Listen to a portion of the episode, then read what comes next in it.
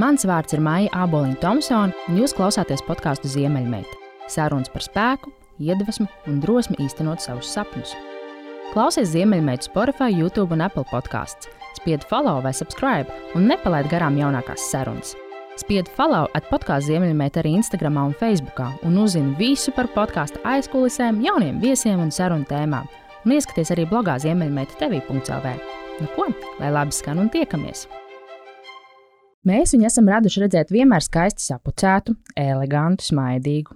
Mazliet kā ideālās sapņu sievietes tēlu, kas iedrošina būt pašapziņīgām, pieņemt sevi, nebaidīties paklupt, bet tāpat laikā arī uzrīktēties dzīvot skaisti un sekot sapnim. Viņa pati nedaudz koķetē, ka augstpapēžu kurpes, nu vismaz 10 cm augstas, ir daļa no viņas DNS. Taču es viņā saskatu biznesa haizivs apgriezienus. Ļoti gudra, ar asu prātu, spēja saskatīt vismaz trīs soļus uz priekšu, savu vīziņu, stingru viedokli, neapšaubāma ar spēcīgas līderes iezīmēm. Viņā ir jūtama karjerists apetīte un biznesa domāšana tās vispozitīvākajā nozīmē.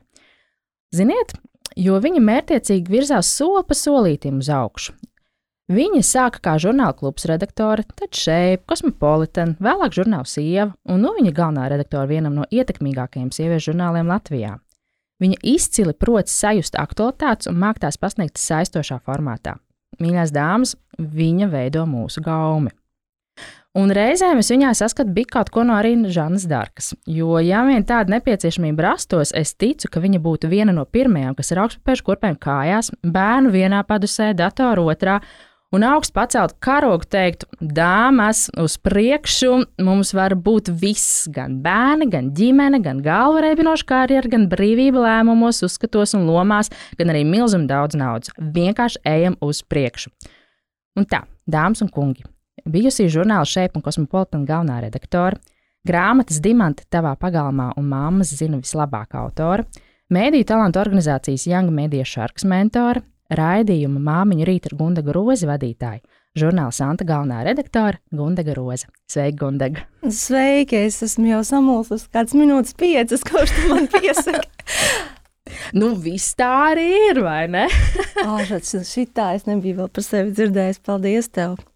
Man bija ļoti interesanti veidot uh, šo pieteikumu un arī to uh, skatīties tavu uh, dzīves stāstu, karjeras izaugsmas stāstu.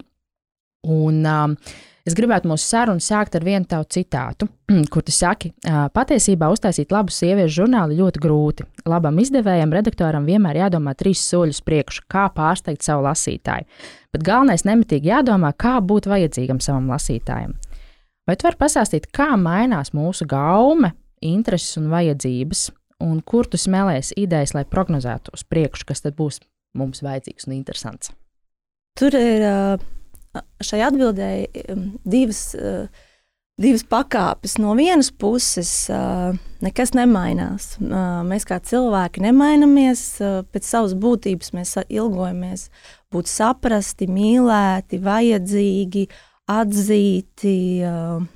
Mēs paklūpam, kļūdāmies, ceļamies augšā, ejam tālāk. Un, uh, Tas ar mums notika pirms Covid, Covid laikā, un pēc Covid būs. Un, un, tās ir tās vispārīgās lietas, par ko draugs, piemēram, sarunājas savā starpā. Nu, tā, kad runā no sirds. Bet tas, kas mainās, mainās komunikācijas valoda, dažādi kodi, mainās platformas, mainās uzrunas, trendi. Un, tās ir tādas tā kā modes iezīmes, un mēs Mums pārņem kaut kāds viens trends, jā, piemēram, nezinu, seks un lielpilsēta bija. Tagad mēs skatāmies, es vakar noskatījos jau jaunās sērijas, nu, pārspriedu, nu, vai viņi joprojām trāpa tai sirdī, vai, vai vienkārši skrien pakaļ vakardienas lauriem. Um, spēt notvert to mūsdienu pulsu, tas ir tas sarežģītākais. Jo atrast to aktuālo valodu, kā uzrunāt to. Mm, varbūt tos, tos saukļus vai pieteikumus.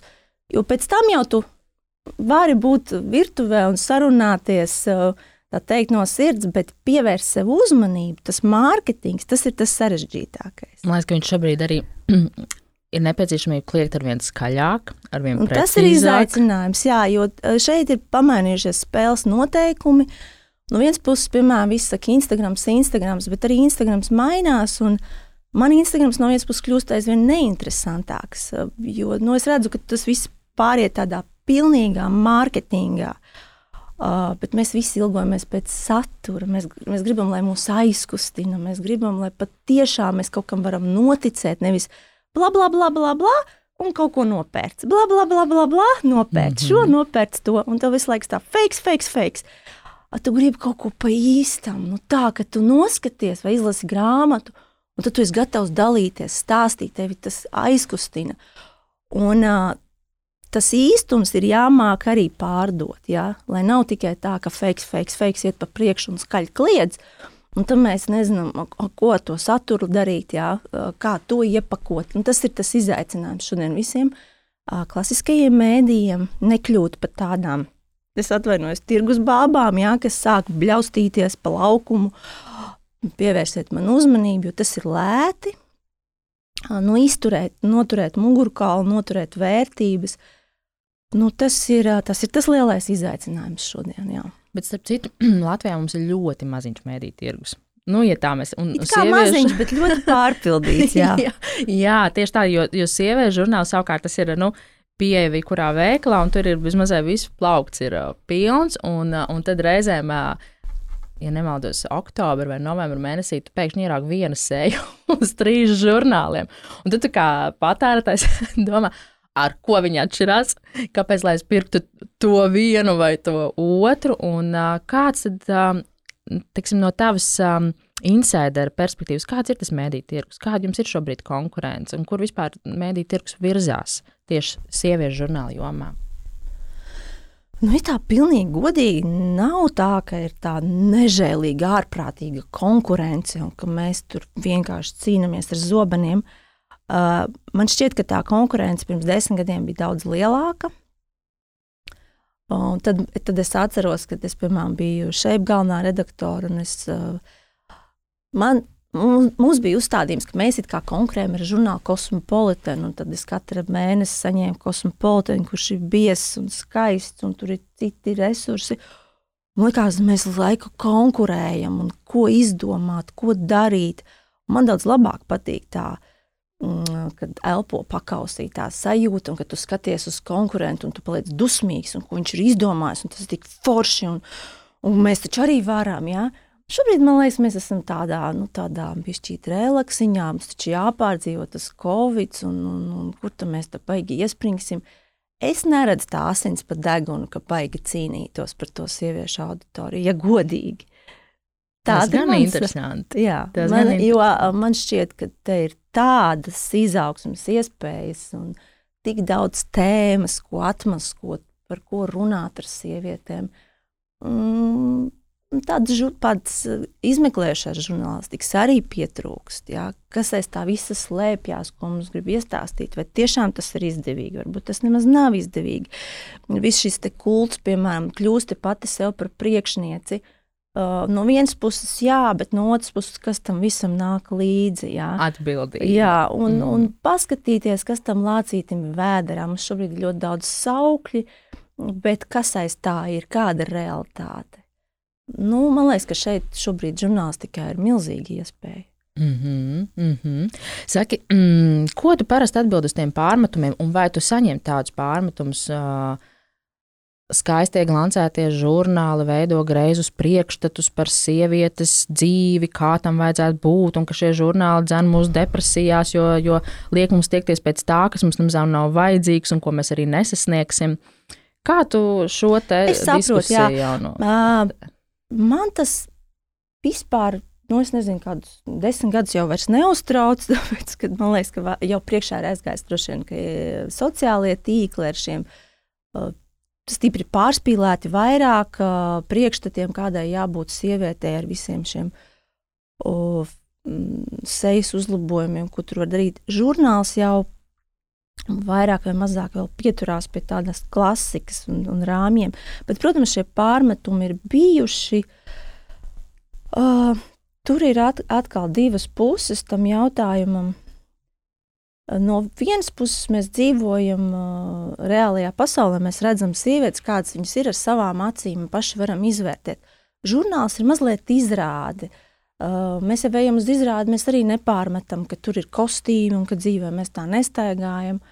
Vai mākslas galerijā arī ir kaut kāds koncepts.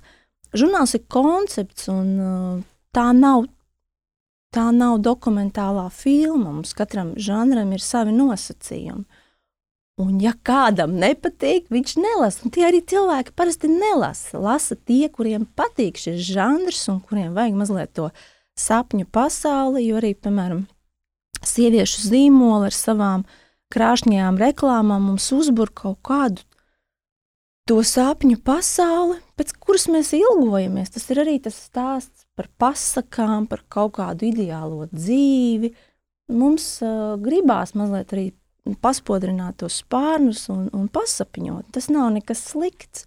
Tas, ka tam visam nāk līdzi kaut kādi efekti, ka mēs sevi salīdzinām ar šīm skaistajām, veiksmīgajām sievietēm, jā, no vienas puses tas, tas atstāja iespēju, bet no otras puses mēs jau esam arī tādā dejā ar to, ar to auditoriju. Mēs nevaram taisīt kaut ko, kas galīgi nepatīk, vai nepieņem, mm, vai ko negrib auditorija. Mēs jau cenšamies reaģēt un skatīties, kādai jābūt ķīmijai. Ja to auditorija pēc tā ilgojās un, un, un grib un pērk, tad, tad mēs cenšamies arī to saturu veidot atbilstoši. Uh, ja teiksim, cilvēki ir noguruši pēc viena veida standarta, mēs arī mainamies. Žurnāli nestāv uz vietas. Piemēram, šobrīd atkal ir otrs, nu, es teiktu, grāvis jau vairāk, uh, ja paskatāmies ārvalstu mēdījus rietumos, nu, viņiem šobrīd ir atkal pilnīgi uztai, uzlikt uz vāka kaut ko nestandarta. Mm -hmm. ja? nu, tas ir tagad, tas, nu, tad man liekas, ka tur redzu, ka tas ir pašmērķīgi. Ja? Ja man tikko vīrs nesen uzdāvināja Vogue tādu grāmatu ar visiem vogu vākiem, ikoniskajiem. Tad es tur skatījos, un tur var izsekot cauri tām vākas sejām. Tad bija modelis tikai, tad sāka parādīties uh, slavenības, tad jau sāka parādīties sievietes ar citu ādas krāsu. Tās tendences mainās un visu laiku kaut kas uh, notiek citādāk, jo sabiedrība arī ietekmē. Arī, piemēram, Viktorijas Sikrita zīmols ir ļoti mainījies. Tas, mm -hmm. Un es redzu, ka tas ir savā ziņā dēļ sabiedrības spiediena. Um, bet tas visu laiku arī evolucionē. Pēc tam atkal būs citādāk. Ja? Tā mēs ejam pa apli vai pa spirāli, nezinu. Tu arī atsaucies uz to, ka no nu, Instagram kā vide, kurā mēs teorētiski pavadām daudz sava laika, uh, Nu, es esmu tāds, kuram sociālai tīkli nepatīk, neinteresē. man tiešām ir žēl savu laiku, ko, tur pav ko, ko man tur vajadzētu pavadīt. Es labāk tad, uh, izdaru simts citas lietas, jo es nu, tā nekļūstu bagātāka. Bet uh, vienalga tā, tā, tā specifika ir, ka tajā darba specifika tas ir jāsako līdzi un jās, jāskatās. Un, uh, tā interesantā lieta ir, ka Instagramā šobrīd, nu arī kā tu teici, Instagrams ļoti mainās. Viņš mainās būtībā katru nedēļu ir jauns algoritms, kas tev mm -hmm. ir mhm, jāieliek iekšā, mm -hmm. lai tu mhm. būtu veiksmīgs un tev pamanītu. Bet tā lielā kopējā tendence ir, ka cilvēki ir noguruši no, tām, no tās skaistās dzīves, un to, ko šobrīd ļoti pieprasa un ko arī ļoti rāda slavenības, tas ir tas behind the scenes, tā otra puse, tā neglītā puse, tā īstā puse, pieņemsim, top modele Ešlija Grējama. Kā viņa liek savas bildes ar uh, grūtniecības vēdru, ar strijām, ar uh, neko neslēpjot, cik atklāti. Un uh, kas ir forši, jo tā ir ziņa, uh, kad viss ir normāli, tā tam ir jābūt. Mēs esam dažādi, mēs esam skaisti tāds, kāds mēs esam, bet reizēm arī tu sāc nogurt no tā neglītuma vai tās patiesības uh, pārbagātības. Un kā uz to raugās žurnālā, vai teiksim, šī te tendence arī jūtama ir žurnāla satura veidošanā un pircēja pieprasījumā? Jo tā tomēr, kā tu minēji, tā ir tā skaistā, glancētā grāmata, kur tu nopērci, kur tu izšķirsti, tu nopērci to sapni, nopērci to skaisto sajūtu. Bet to cilvēku kļūst ar vien mazāk, jo tā tendence jau ir uz to, ka mēs gribam to īstumu, to dzīves skarbumu, to dzīves patiesumu, to sajust, to, ka arī otram ir tādā pati situācijā, kā es esmu tajā situācijā. Tu zini, es varbūt tev tagad tā neatbildēšu tieši uz tavu jautājumu. Eh, tas, kas man ir eh, novērojams, tam visam strījas, nestrījas, tas ir vispār, tas nav tik svarīgi. Eh, cilvēks ir patiesi sarunā, un to uzreiz var redzēt pirmajās piecās minūtēs. Un vai nu viņš ir viņš, vai nu viņš nav. Un, uh, vai nu ir, vai nu nav. Tur nav nekādas beigās koncepcijas. Uh, tas, ko es redzu, ka ar visiem šiem efektiem būt pārsteidzoši dabiskiem, vai tagad atklāt, cik es esmu nelaimīga, vai es esmu tik laimīga. Es, diemžēl, tur redzu tirgus aprēķinu, mm -hmm. uzmanības, vēlmu pēc uzmanības. Jo kā gan mēs šodien varam pievērst sev uzmanību? Cik ir tie efekti, ka tu vari pievērst sev uzmanību? Lai, ja man, piemēram, tagad atnāk tā kā uz konsultāciju, nu, padomāsim, ko mēs, kā mēs varam uztaisīt tādu mm, efektīvu Instagram kontu. Piemēram, iedomāsimies, mums ir um, cilvēks X, uh, Nu, kādi ir šie efekti? Nu, mēs droši vien arī padomātu, nu, parādīsim, cik kad, kad dzīve arī neiet, jā, kad, uh, kad īstenībā jau nav tā, kā izskatās, kad ir arī drāmas un sāpes. Parādīsim, kāda tur kaut kādas pumpas, kaut kādas strīdas, nu, un, un reitingi uzreiz būs augšā, jo tas ir cilvēcīgā interese. Jā, tas ir tas, ko kādreiz īstenībā pārmeta dzeltenai presē, ka viņi rāda to celulītu. Jā. Mm -hmm. Tagad cilvēki paši rāda savu celulītu. Un tur vairs privātā tas vairs nav nekas šokējošs. vairs, un, un, un kāpēc? Tāpēc, ka nu, grib, grib tomēr to uzmanību. Ja tā ir solidaritāte ar sievietēm, man liekas, ka ir nu, vairāk sievietēm vajag tādu emocionālu atbalstu, ka, kam tu esi tikus pāri un, un, un kā tu kur tur atradi spēku, parādīt savu vēderu vai kājas, manuprāt, tā nav drosme. Drosme parādīt savu emocionālo vājumu vai, vai savas krīzes, un, un, un, un, un kur tur rodas spēku. Jo, nu, ko mēs tagad visi savus leduskapjus, veļas mašīnas, nu, ko, vai, vai, nu, kur tālāk, kas tālāk, tas jau viss tā nonivelējās. Tieši tā, jā. kur tālāk. Jā. Kā atgūtai dzīvē to, nu, garšu mazliet un to, to sapni pēc kā tiekties. Jo ja mēs esam tik ļoti atklāti. Es saprotu, ja tāpat jau skaidrs, ka mums visiem ir sava neglītā puse, nu tādā ziņā, ka ir drupačas un, un ir netīras drēbes, un tā ir sadzīve. Bet mēs jau gribam iedvesmot citus cilvēkus. Es tomēr pārstāvu to, ka es nāku pie tevis un man gribās uzvilkt smuku žaketi, nevis atnākt un parādīt, ka man taču ir arī viena nesmuka žakete. Jā, redzi, kāda es īstenībā nemaz neesmu tā, kā tu domā. Ir taču pandēmijas, kaut kā visi staigā treniņu tērpos un krokšos. Un... es, esmu, es laikam pārstāvu to, to partiju, kas saka, vajag celt vienam otru un iedvesmot. Starp citu, vai, um, tā skatoties īstenībā ir tā, ka um, tu veido sieviešu gaumi Latvijā. Vai tu, tu esi kādreiz to tā sajūtusi kā, kā, kā, kā, kā, kā tādu, nu, es negribētu teikt atbildību, bet nu, jā, tāds uh, tas tavs virziens, jo, jo katrs žurnāls, kas nonāk mūsu rokās, mēs, ok, šī tas ir jauns, šī tā ir tendence, tagad redz, kā tādas lietas ir, tagad, ā, tagad tādas tēmas ir topā, par ko man vajadzētu padomāt.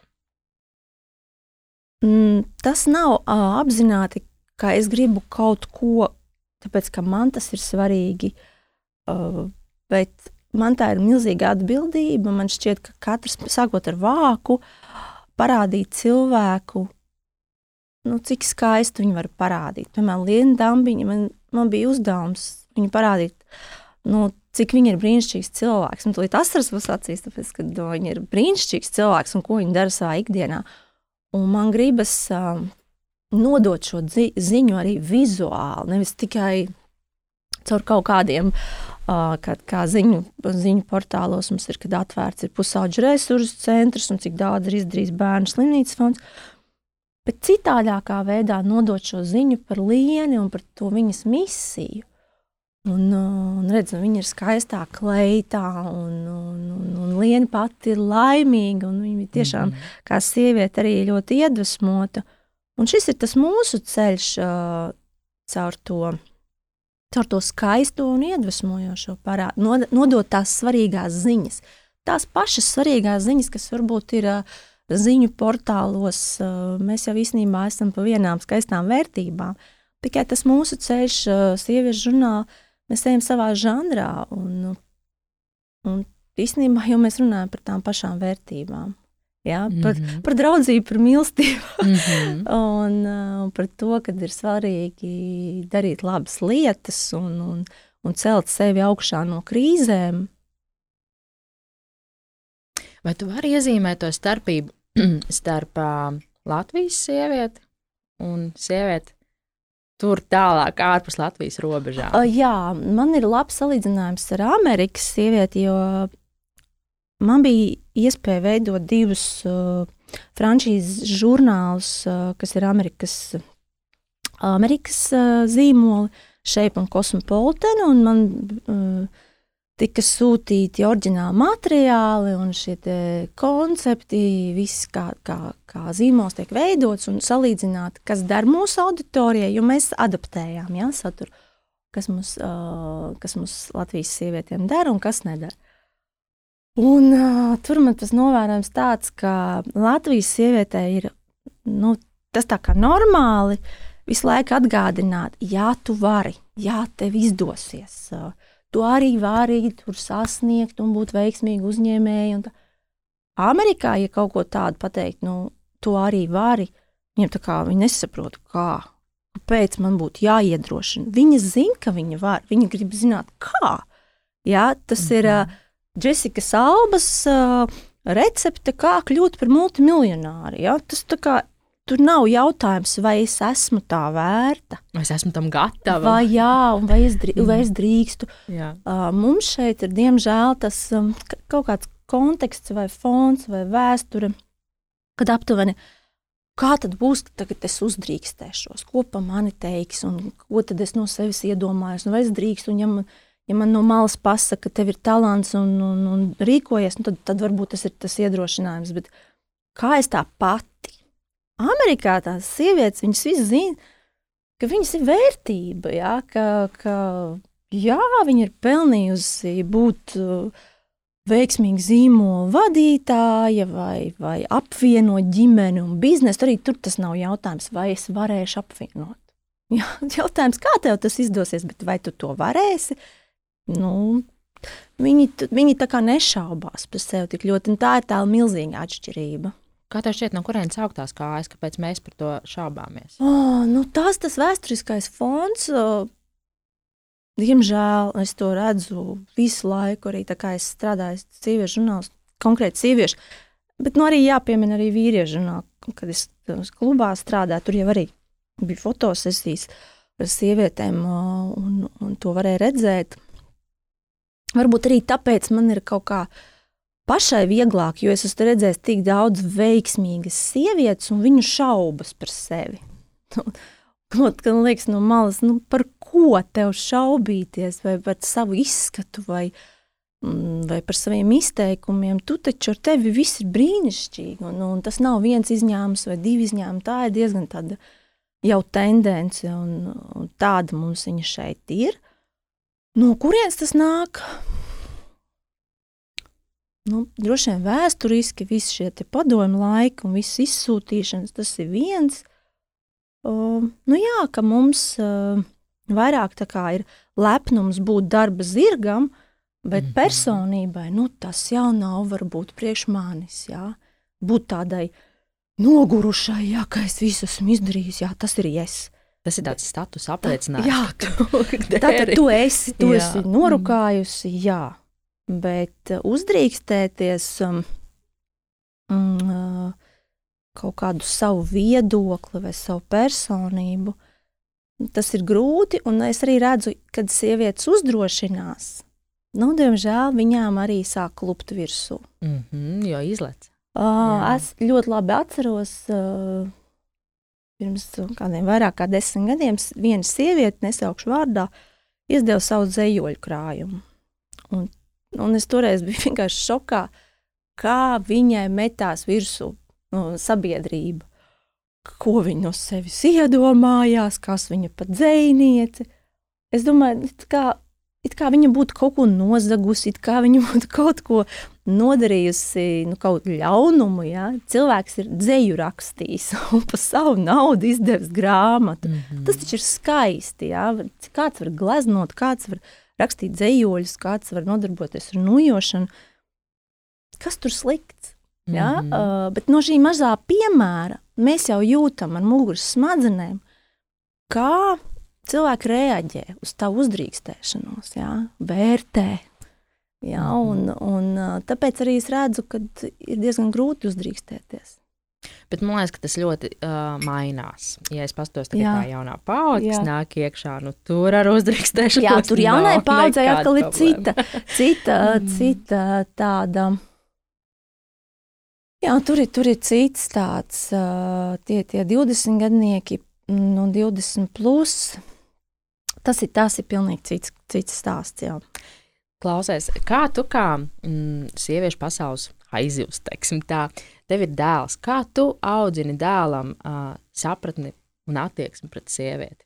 Man pašai ir divi puikas, pieci un divi gadi. Un, oh. uh, es jau tagad domāju, kā man uh, nostādīt, teiksim, nu, nostādīt nav laikam tas pareizais vārds, bet kā man uh, veidot tādu, ja ne pareizu, bet tādu veiksmīgu uh, līdzās pastāvēšanu, tādu uh, vienādu spēka sajūtu, bet tāpat laikā es gribu, lai viņš arī atver tās durvis, meitai, lai viņš to ziedu uzdāvina. Kad ir gan kaut kas no tās vecās pasaules, nāk līdz no tām pieklājības mm -hmm. normām, gan arī tā domāšana, ka nu, uh, mēs esam uz vienlīdz starta līnijas, mums ir visiem vienlīdzīgas iespējas, un, un, un kad uh, nav tā, ko tu raudzi tā kā skuķis.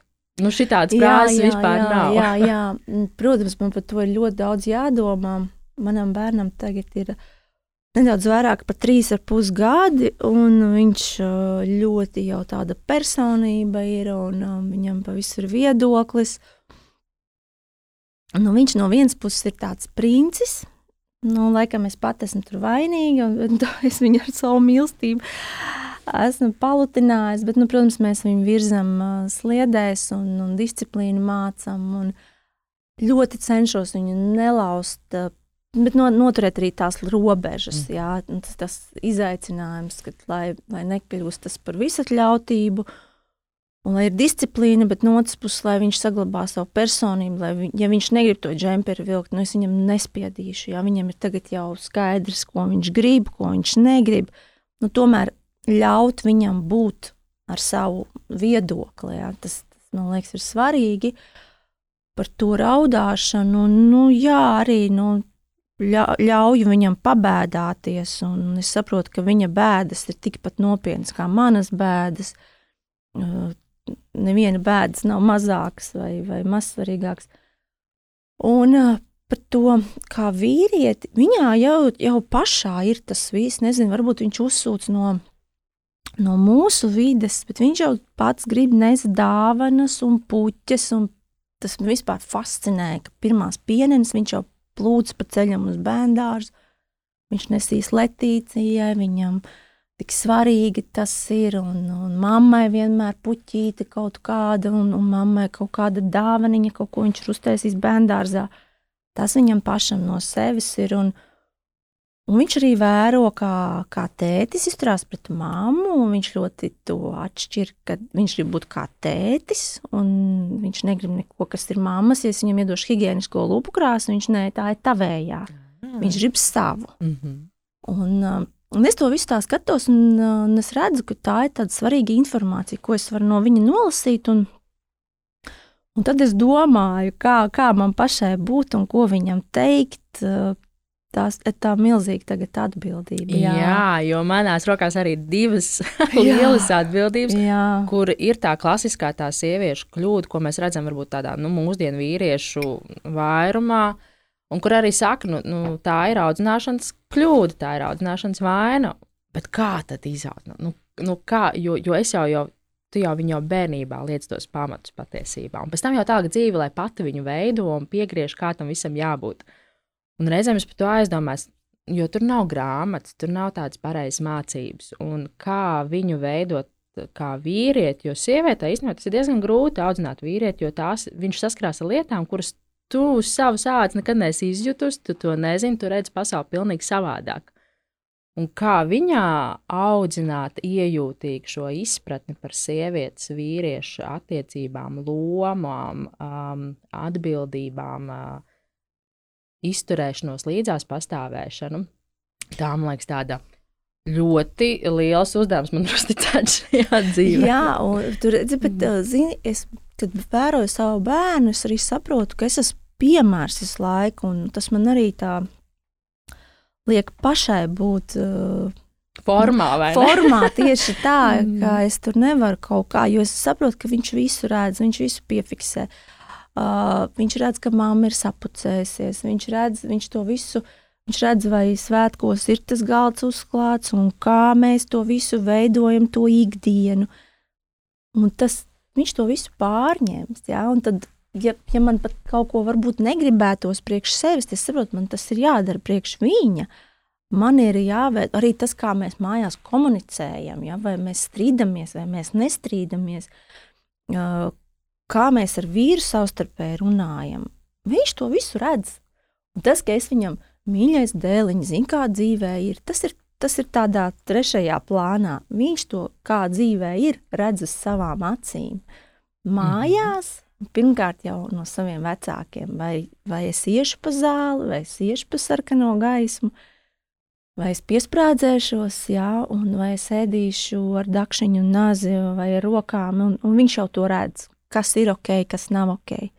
To papīriņu var nomest, vai to papīriņu nevar nomest vai var ar zābakiem staigāt pa istabu, vai, vai nevar. Mazas nianses visu laiku, arī tas, kā pie galda uzvedamies, jā, vai kā mēs sēžam, kā mēs ēdam. Un, uh, kādreiz tas bija tā, man neapzināti likās, ah, nu kā ir, tā ir. Tagad es redzu, ka tas bērns uzsūc visus sīkumus. Mm -hmm. Es sāku pie tā vairāk piedomāt. Jā. Mm -hmm. Klau, man ļoti patīk vērot, kā ir attīstījies tavs karjeras ceļš. Tāds viens pakāpiens, otrs pakāpiens, trešais, ceturtais. Tāds ļoti no malas šķietam mērķiecīgi, izplānoti un ar tādu lielu apņēmību. Vai tu pati plānoji tā savu karjeru tā, tik mērķiecīgi, bet tev tas tā dzīvē tā sanāca, tā viens pēc otra tāds piedāvājums un durvis atverās? Uh, visi piedāvājumi man patiešām ir izteikti no malas. Es uz darba pārunām esmu bijusi nu, pati pieteikusies pēc kādiem sludinājumiem.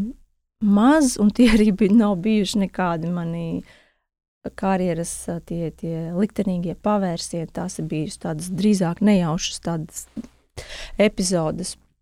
Šie lielie, lielie soļi ir nākuši no malas. Mm Vai tu saki, ka mērķiecīgi izplānot, nu, pirms 20 gadiem es neko tādu mērķiecīgi izplānot nevarētu. Es, es ļoti labi atceros, ka es uh, sēdēju savā vienistabas pļaunieku dzīvoklī un nopirku žurnālu Santa Cosmopolitan, sēdēju un, un um, savā, savā virtuvē un domāju, kā man tur nokļūt. Un es biju vienkārši žurnāliste un es vispār nesapratu, pa kuriem ceļiem, un man nebija pazīstams neviens. Un, Un kā vispār ieiet pa tiem vārtiņiem iekšā? Kurš ar tevi gribēs runāt, kam tu tur esi vajadzīgs? Tur taču ir tik daudz talantīgu cilvēku. Pirmkārt, es neesmu nemaz tik talantīga. Kāpēc lai es tur vispār būtu un ko es viņiem varu piedāvāt? Un tā kā, mm, lai es toreiz izdomātu, ka es tad darīšu tā, un pēc tam es darīšu tā, nu tas, protams, tā nē. Bet uh, kā tas tā likumsakarīgi ir veidojies? Es domāju, ka mana ir viens cilvēks aizvedis pie nākamā cilvēka. Ir ļoti svarīgi tos atslēgas cilvēks, kas tev dzīvē ir, nepievilt, jo man ir gadījies laimējies satikt lielus cilvēkus dzīvē, kuri man ir devuši iespējas. Es domāju, ka tas ir izšķirošais, un to bieži vien nenovērtē. Domā, ka izšķirošais ir kaut kāds finansējums vai investīcija. Laime ir satikt uh, jaudīgus cilvēkus savā, cil, savā ceļā.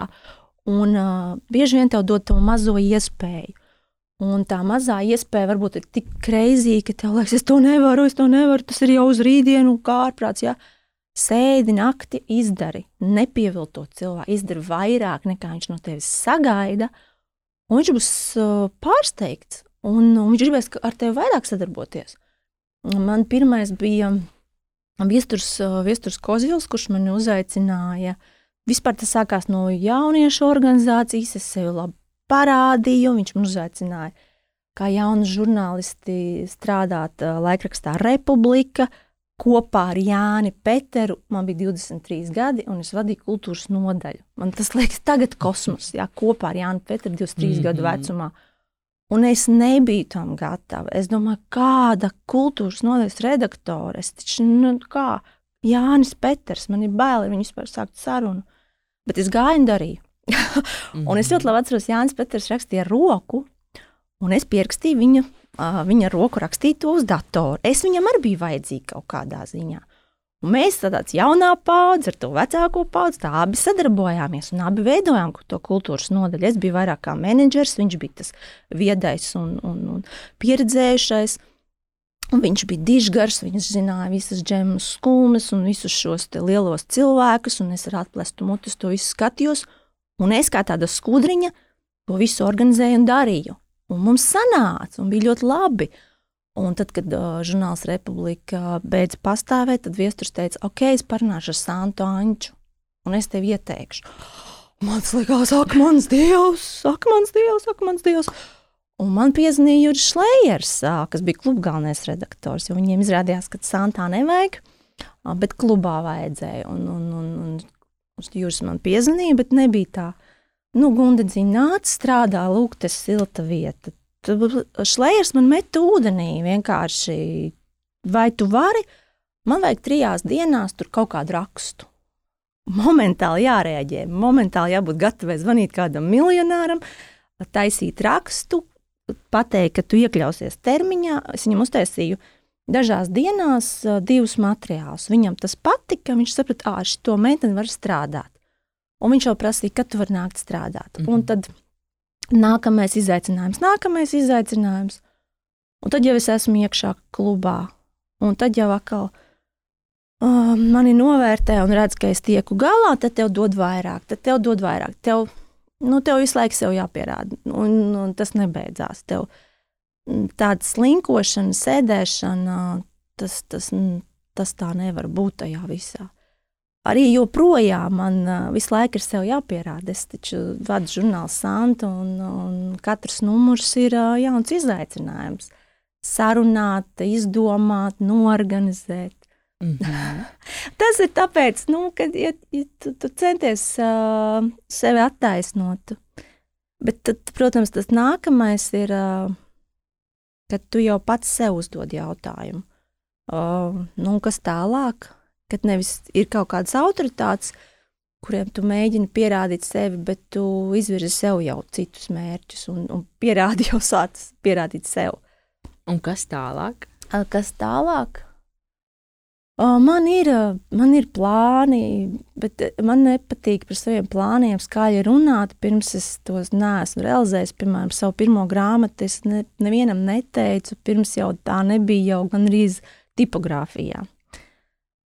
Jo parasti kaut kā esmu novērojusi, ka labāk ir klusumā strādāt. Tad, Vai ne? Nekā skaļi. nekā skaļi, mm. skaļi runāt par to, kas man būs un kā viss būs. Un, uh, ja būs, tad būs, un tad arī, tad arī varēs stāstīt. Bet uh, vīzija man ir aptuveni diezgan skaidra, ko es tālāk uh, gribu darīt. Uh, diezgan daudz es gribu arī attīstīt sevi tajā grāmatu virzienā. Tas man mm. ļoti saista un patīk. Mm -hmm. Tā kā darba, darba, darba jau ir daudz un plānu daudz. Jā. Kā tu veidos sevi kā līderi, ņemot vērā tavu pieredzi, ņemot vērā tavu sadarbību ar, ar, ar šīm pārējām spēcīgām personībām? Kas ir tas, ko no viņiem esi iemācījusies, ko tu esi pārnesus uz savu darbu praksi? Kas ir tās lietas, kuras tevi padara par labu līderi, un kas ir atkal tās lietas, ko varbūt esi mācījusies, redzējusi un sapratusi, ne, šito es taču nedarīšu. Mm -hmm. Es neesmu tāda priekšniece, kā priekšniece pēc definīcijas. Man nepatīk šis te ienāciet manā kabinetā, jā, lūk, sēdieties. Es esmu diezgan čomiska, man vienkārši man patīk ar savu komandu uh, būt tādās līdzvērtīgās attiecībās bez šīm ceremonijām, ja, kad tur kaut kā mēs ceremonējamies, ja, kā Piemēram, Santa Anča, kas ir mana vadītāja, viņa arī ir tie, nu, ļoti vienkārši saistībā ar saviem, saviem padotajiem un kolēģiem. Mēs vienkārši runājam par lietas būtību. Maksimāli efektīvi ietaupām laiku, gar, man nepatīk garas sapulces, es pa telefonu, īziņā, ātri, ātri saplānojam. Uh, patīk veidot tādu komandu, kur katrs cilvēks zina savu vietu. Ja to es esmu sen sapratusi, ja cilvēks savā vietā, tad uh, arī visi procesi vienkārši ir ārprātīgi. Mm, Tas viss atvieglojas. Ja? ja cilvēks nav savā vietā, tad labāk to risināt uzreiz. Ja? Man, piemēram, ir ļoti laba komanda Santā un arī, arī pie raidījuma. Tur vienkārši viss iet tā kā pa diegu. Mm -hmm. Pat, nu, tā kā, tā, tā kā, tā kā iet pa sviestu, jo, ja tiklīdz ir uh, kaut kādas problēmas, ka tev jāsāk ar intrigām nodarboties, vai ar kaut kādām komunikācijas kļūdām, vai kas, ko, kāpēc viens vaino otru, oi, tas, uh, tas pilnīgi pazūd jēga visam. Jā. Nu, talantu menedžments tā ir tāda nu, baigā, baigais spēks tajā visā lai tev aizietu biznesa, un lai tev tiešām lietas, kā tu saki, nu, ietu pa sviestu, tur tie īstie talanti īstajās vietās, un ja tu kā vadītājs spēj viņus uzost un spēj atkost katra tā cilvēka talantus un viņus ielikt un vēl ļaut tam talantam arī izpaust sevi, nu, tur, tur notiek maģika pēc tam. Protams, ir arī jāsajūt katra cilvēka psiholoģija, kā, kā komunicēt. Jā. Ir viens cilvēks, kuram nu, nekad neko nevar pateikt nu, tādu stingrāku. Viņš ir ļoti jūtīgs cilvēks. Tas ir jājūt. Ir cits cilvēks, kurš nekustēsies, kamēr viņam nesāks jau teikt, nu, nu, nu, jā. Nu, tas ir arī jājūt, jo tā cilvēka psiholoģija, jo mēs radošajā industrijā strādājošie visi esam diezgan emocionāli un ir mhm. jāsaprot, kāds ir tā cilvēka tas emocionālais portrets un kā viņš saprot, kas viņu motivē, kas viņam patīk. Šeit ir arī ļoti svarīgi dot to pareizo izaicinājumu. Ja, ja cilvēks negrib rakstīt par to un tikai rakstīs gariem, ar, ar gariem zobiem, tas vispār nevienam nav vajadzīgs. Ne viņam, ne žurnālam tas, tas, tas vispār nav jādara. Ir jādod īstais uzdevums. Tad arī stilists būs atplaucis. Ja viņam būs tas īstais cilvēks, īstais uzdevums, viņš gribēs izdarīt vairāk. Darīšanas pēc, tad, tad, tad neviens arī nav īpaši apmierināts. Mm. Tāpat arī ar varoņiem. Es nekad nedodu kādam intervēt to, kas viņu pašu neaizrauj, jo tas zina, ka tas rezultāts būs tāds so-so, un kam tas vajadzīgs. Ir jāatrod žurnālistam atbilstošais varonis, un kad viņš man pēc tam arī zvana, un tu redzi, ka viņš ir pats iedvesmojies no tās intervijas, un tad tu zini, ka arī citu enerģiju viņš to visu darīs, rakstīs, un beigās būs arī cits rezultāts. Tur citu vērojot, kā tu veidoji uh, savas pirmās grāmatas kampaņu, tev ir ļoti skaista mājaslapa tam apakšā, un, un, un ir komanda tajā visā. Tur jaušams tāds uh, ļoti labs pārdevēja krāpes, tāds biznesa process, sapratne ļoti spēcīga, jaudīga. Vai tu esi to mācījusies, vai tu esi to skatījusies no citiem piemēriem, ja tu, tu tā, tev ir tas dabīgais ņūs?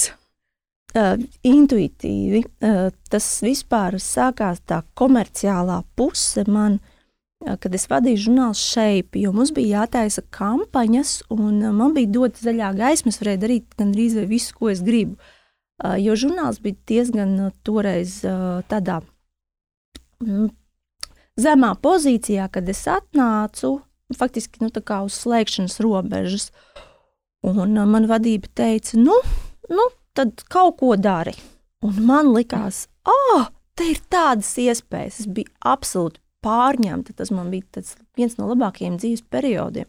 Jo es paskatījos, kā dara amerikāņi, kas ir šeit filozofijas zīmols.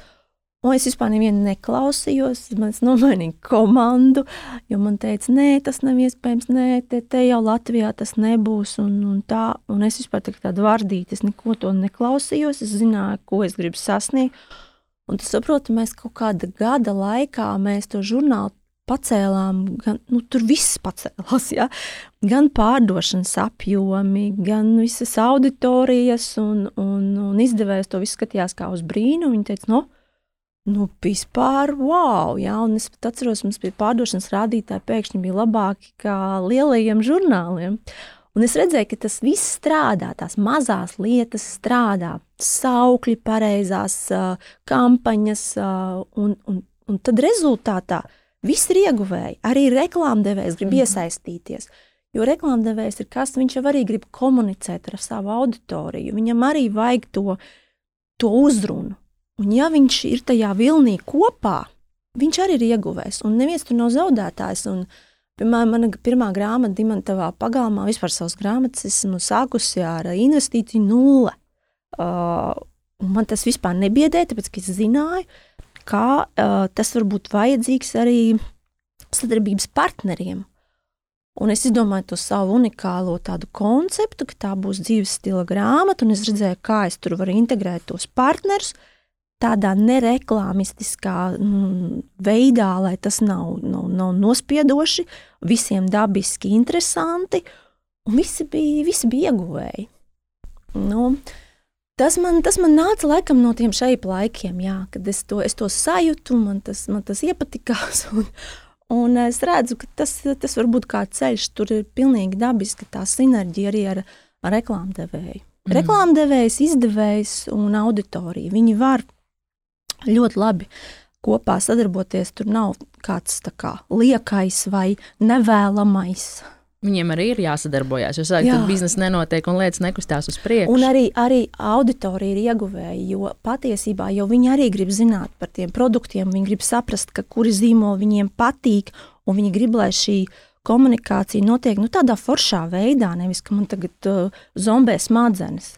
Mm -hmm. uh, Es, piemēram, izvēlos tos zīmolus, kas man ir simpātiski. Jā, es redzu viņu vērtības, es redzu, ka viņiem patīk arī kaut kādas tās tēmas. Nu, tad, tad mēs varam būt kopā. Es nekad neietu ar tādiem zīmoliem, kas man nepatīk. Uh, un, un, un pašiem zīmoliem jau arī gribās atrast sev līdzīgi domājošos. Mm -hmm. Kas ir bijusi tā tava trakākā vai drosmīgākā lieta, ko tu esi līdz šim savā karjerā darījusi? Vai kas tev licies ārprāts, nu, ja? Nu, daudz trakas lietas, uh, nu, dažādos žanros trakas lietas. Um, nu, traki bija, nu, gan bija traki kluba laikā, tur, tur nu, piemēram, bija izaicinājums uh, uzrunāt slavenas sievietes uz kailfoto. Mums, mēs bijām visi redakcijas darbinieki, un nu, mums tas vienkārši bija darba uzdevums zvanīt. Saprotu, nevis tā kā tu zvani un piedāvā matraci nopirkt, ja durmēl, bet tu izdomā to tekstiņu tā, ka tu tā kā aicini uz kailfoto. Un, uh, un tā kā liekas, varbūt no vienas puses, nu, kas tur sevišķi, bet no otras puses, psiholoģiski tas ir diezgan sarežģīti. Jā, un, un noformulē, tas ir arī kaut kas sevišķs. un, un vēl noformulēt to tā, kas tad ir kalfoto un kā, tad, kā tas izpaudīsies un kā tas viss mm. būs. Un, un man tas no komunikācijas viedokļa. Nu, Meistarklases savā ziņā, tāpēc ka, tāpēc, ka tu atrodi sev to motivāciju, ka tu nedari neko sliktu. Tu zvani cilvēkam, tu viņam kaut ko piedāvā, tas varbūt ir foršs kaut kas. Un, uh, un es, labi, tas nav mans dzīves lielākais izaicinājums. Es vienkārši šo kā piemēru stāstu, kad, cik dažādi mēs varam izteikt piedāvājumus. Un, un tā žurnālistika vispār iemāca izteikt piedāvājumus, zvanīt dzīvajā. Tagad, kad mēs mēs esam pieraduši tikai nospiest laika podziņu un tādā veidā izrādīt savas simpātijas. Piezvan cilvēkam, pacelt telefonu un izstāst savu vēstījumu. Es domāju, tas jau ir, tas jau ir ļoti daudz ceļā uz to, ko tu vēlēsies dzīvē sasniegt. Mm. Jo ir tā kā, ai, nu ko. Kā, ko, tu mani, pa, ko tu par mani padomās, ko es tur bāzīšos virsū un noformulēt, pateikt. Tāpēc nu, šie trakie piedzīvojumi, uh, uh, it kā cilvēkus aicinot uz visādām trakām lietām, jā. Uh, bet, nu, kas vēl, vēl kādas trakas izaicinājumi? Tad baigi traki jau nav. Man liekas, ka es esmu savā profesijā tā kā tādā veiksmīgā laulībā. Un tad vienkārši, nu, kur mēs tālāk ceļosim, kur mēs aizbrauksim, ko mēs darīsim. Es jūtos labi, tāpēc, ka es esmu izvēlējies to pareizo partneri. Mm, tā ir baigā laime. Jā, tā ir man tiešām ļoti liela laime, jo es nevaru iedomāties, ka man būtu jāšaubās un jāmeklē kaut kas cits.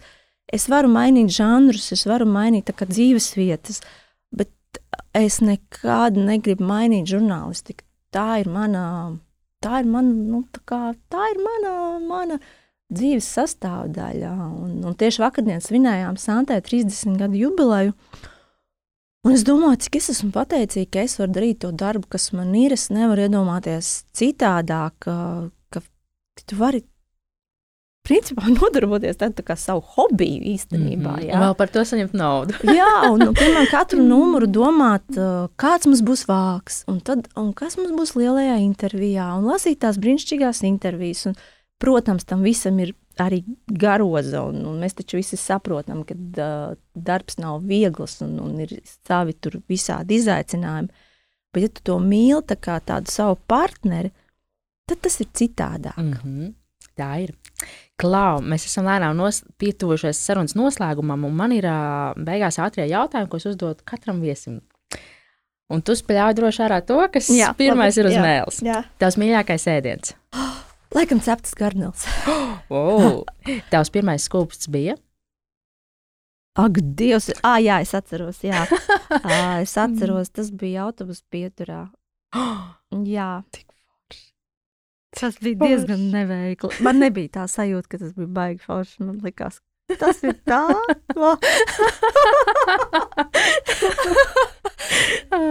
Dziesma, ko visbiežāk dungo pie sevis. Kaut kāda pašiedvesma, viss būs labi, viss izdosies. kaut kādās mm. trakajās dienās tāda paš, pašizdomāta dziesmiņa. Lūdzu, turpini teikumu. Drosme ir Ļauties savam sapnim. Mīļākā filma? Es teikšu, Magnolija. Suns vai kaķis? Mm. Principā jau suns, bet es negribu viņu vest ārā. ja kāds cits izvēlēs, tad ir suns. Grāmata, ko iesaka izlasīt. Pēdējā man ļoti patika. Jā, nu kā viņu sauca? Varbūt tu vēlies ar kādu par to parunāt. Laikam tā viņu sauc. Mm -hmm. Jā. Lūdzu, turpini teikumu. Mans ideālais piekdienas vakars ir. Nu jau laikam vienkārši laicīgi aiziet gulēt un paskatīties kādu filmu. Kas ir labākais padoms, ko kāds tev ir devis, vai gluži pretēji sliktākais padoms, ko kāds tev ir devis? Es varbūt nezinu, vai kāds man to ir devis, bet tā ir mana dzīves definīcija. Viens durvis aizverās, cits atverās. Ļoti patiesi. Un personība no jebkura laika, pagātnes, tagadnes, nākotnes, ar kuru tu gribētu iet vakariņās efeļu torņu virsotnē? Nu, īstenībā Hillary Clinton, laikam. ļoti jaudīgi. Paldies tev liels par sarunu, paldies tev liels par atziņām, par tavu stāstu. Un, uh, bija ļoti interesanti to visu skatīties, kā tu saliec kopā biznesu ar sievietes pasauli un kā tas hobijs pārvēršas biznesā. Un, un brīnišķīgi saruna. Paldies, tā mīļš. Paldies, ka aizved man šeit ceļojumā. Paldies tev! Paldies, ka biji kopā ar mums! Ja tev patika šodienas podkāstu saruna, lūdzu, dalies ar to savos sociālos tīklos. Savukārt, ja tev ir ideja, kuru personību tu gribētu dzirdēt kādā no nākošajām podkāstu sarunām, raksti man Instagram vai Facebook atpodkāstu Ziemeļmeita. Un kas zina, varbūt šo personību mēs nointervēsim ar tevi kopā šeit pat ierakstu studijā. Kārlis Skalbers teica, pasaulē nav gala un debesīm nav malas. Īstā dzīve ir liela kā pasaule un augsta kā debesis. Dzīvosim īsti! Atām!